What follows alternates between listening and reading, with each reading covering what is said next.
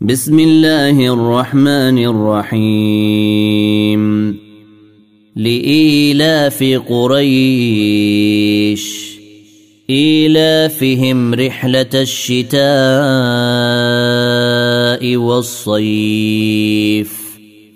فليعبدوا رب هذا البيت الذي أطعمهم من جوع وآمنهم من خوف.